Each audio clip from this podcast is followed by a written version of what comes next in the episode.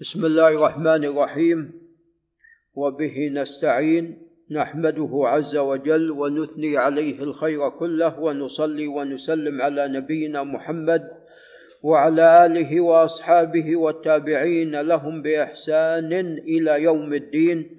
أما بعد فقال المصنف رحمه الله تعالى وهو مجد الدين أبو البركات بن تيمية في كتابه المنتقى من أحاديث الأحكام قال باب تعاهد باطن الشعور وما جاء في نقضها وذلك عند الاغتسال وذلك عند الاغتسال.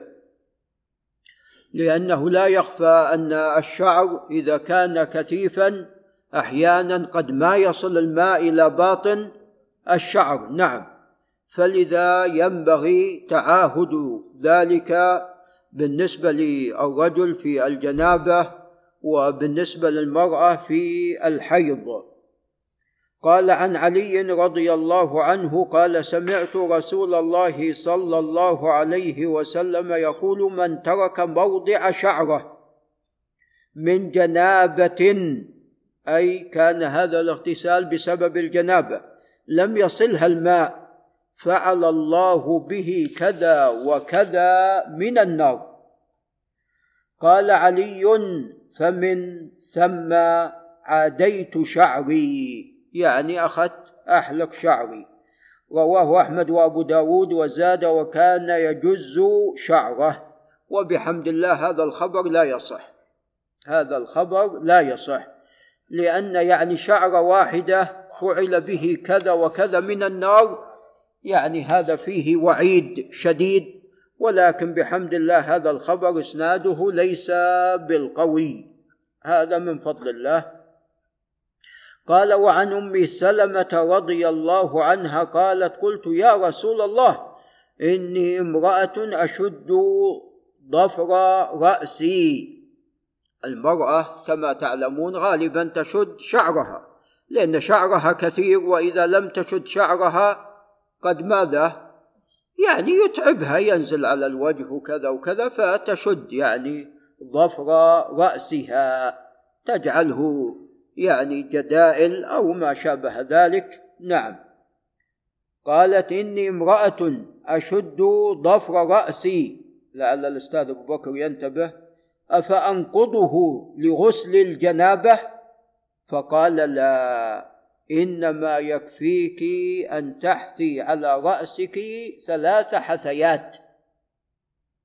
ثم تفيضين عليك الماء فتطهرين. رواه الجماعة إلا البخاري. يعني مسلم والإمام أحمد في المسند وأصحاب السنن. قال وفي الحديث مستدل لمن لم يوجب الدلك باليد. لأنه قال إنما يكفيك أن تحثي على رأسك ثلاث حثيات ثم تفيضين عليك الماء فتطهرين. وهذا طبعا في غسل الجنابة بالنسبة للمرأة. وأما الحيض لا بد أن تنقض شعرها. في الحيض تنقض شعرها. والفوق لعل الشيخ أحمد الصالح ينتبه والفوق ما بين الجنابة والحيض أن الجنابه قد تتكرر في كل في كل يوم بينما الحيض في الشهر مرة واحدة. فجاء التخفيف في الجنابة بخلاف الحيض. قال وفي رواية لأبي داود أن امرأة جاءت إلى أم سلمة بهذا الحديث قالت فسألت لها النبي صلى الله عليه وسلم بمعناه. قال فيه واغمزي قرونك عند كل حفنة. قال وهو دليل على وجوب بل على وجوب بل داخل الشعر المسترسل. نعم ورواية مسلم هي الأصح. نعم قال وعن عبيد بن عمير الليثي وهو من كبار التابعين المكي قال بلغ عائشة رضي الله عنها وعن أبيها أن عبد الله بن عمرو بن العاص رضي الله عنهما يأمر النساء إذا اغتسلن أن ينقضن رؤوسهن. فقالت يا عجبا لابن عمرو وهو يأمر النساء إذا اغتسلن أن ينقضن رؤوسهن أو ما يأمرهن أن يحلقن رؤوسهن تستنكر عليه. لقد كنت أغتسل أنا ورسول الله صلى الله عليه وسلم من إناء واحد. وما أزيد على أن أفرغ على رأسي ثلاث إفراغات. هذا في غسل الجنابة ولا الحيض؟ هذا الجنابة لأن تغتسل مع رسول الله صلى الله عليه وسلم. فتقول ما أزيد على أن أفرغ على رأسي ثلاث إفراغات؟ يعني ما كانت تنقض شعرها فكانت تنكر على عبد الله بن عمر بن عمرو. إذا لماذا عبد الله بن عمرو كان يأمر النساء بذلك؟ خفي عليه بعض هذه الأحاديث. قال رواه أحمد ومسلم. نعم. قال باب استحباب نقض الشعر لغسل الحيض بل وجوب ذلك. هذا طبعا على قول بعض أهل العلم. بعض أهل العلم يقول الحيض مثل الجنابة بالنسبة للمرأة لا يجب عليها أن تنقض شعرها. وبعض أهل العلم يفرق ما بين الحيض والجنابة. فيقول الجنابة لا يجب بخلاف الحيض يجب المرأة أن تغسل يجب على المرأة ان تنقض شعرها. ولعل هذا هو الأقرب والأحوط. وأما زيادة فأنقضه لغسل الجنابة والحيضة فزيادة الحيضة؟ غير محفوظة والله أعلم. قال عن عروة عن عائشة أن النبي صلى الله عليه وسلم قال لها وكانت حائضا أنقضي شعرك واغتسلي. رواه ابن ماجه بإسناد صحيح وهو في الصحيحين هذا في الصحيحين. نعم لعل ابو ناصر ينبه عليه. هذا خرجه الشيخان. انقضي شعرك وامتشطي. هو في الصحيحين. نعم. وهذا عندما آه، حاضت وذلك في حجة الوداع. نعم. قال وعن عائشة رضي الله تعالى عنها.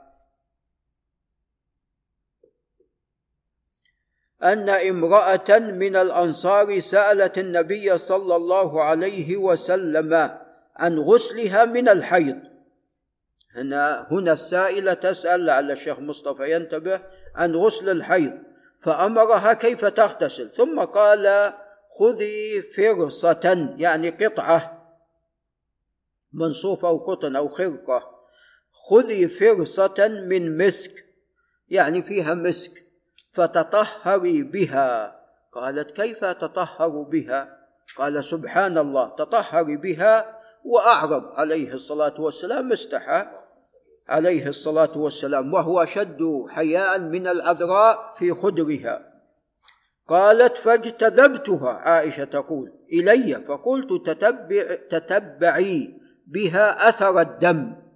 أثر الدم في الفرج وما حوله يعني وأزيليه بهذه القطعة الفرصة.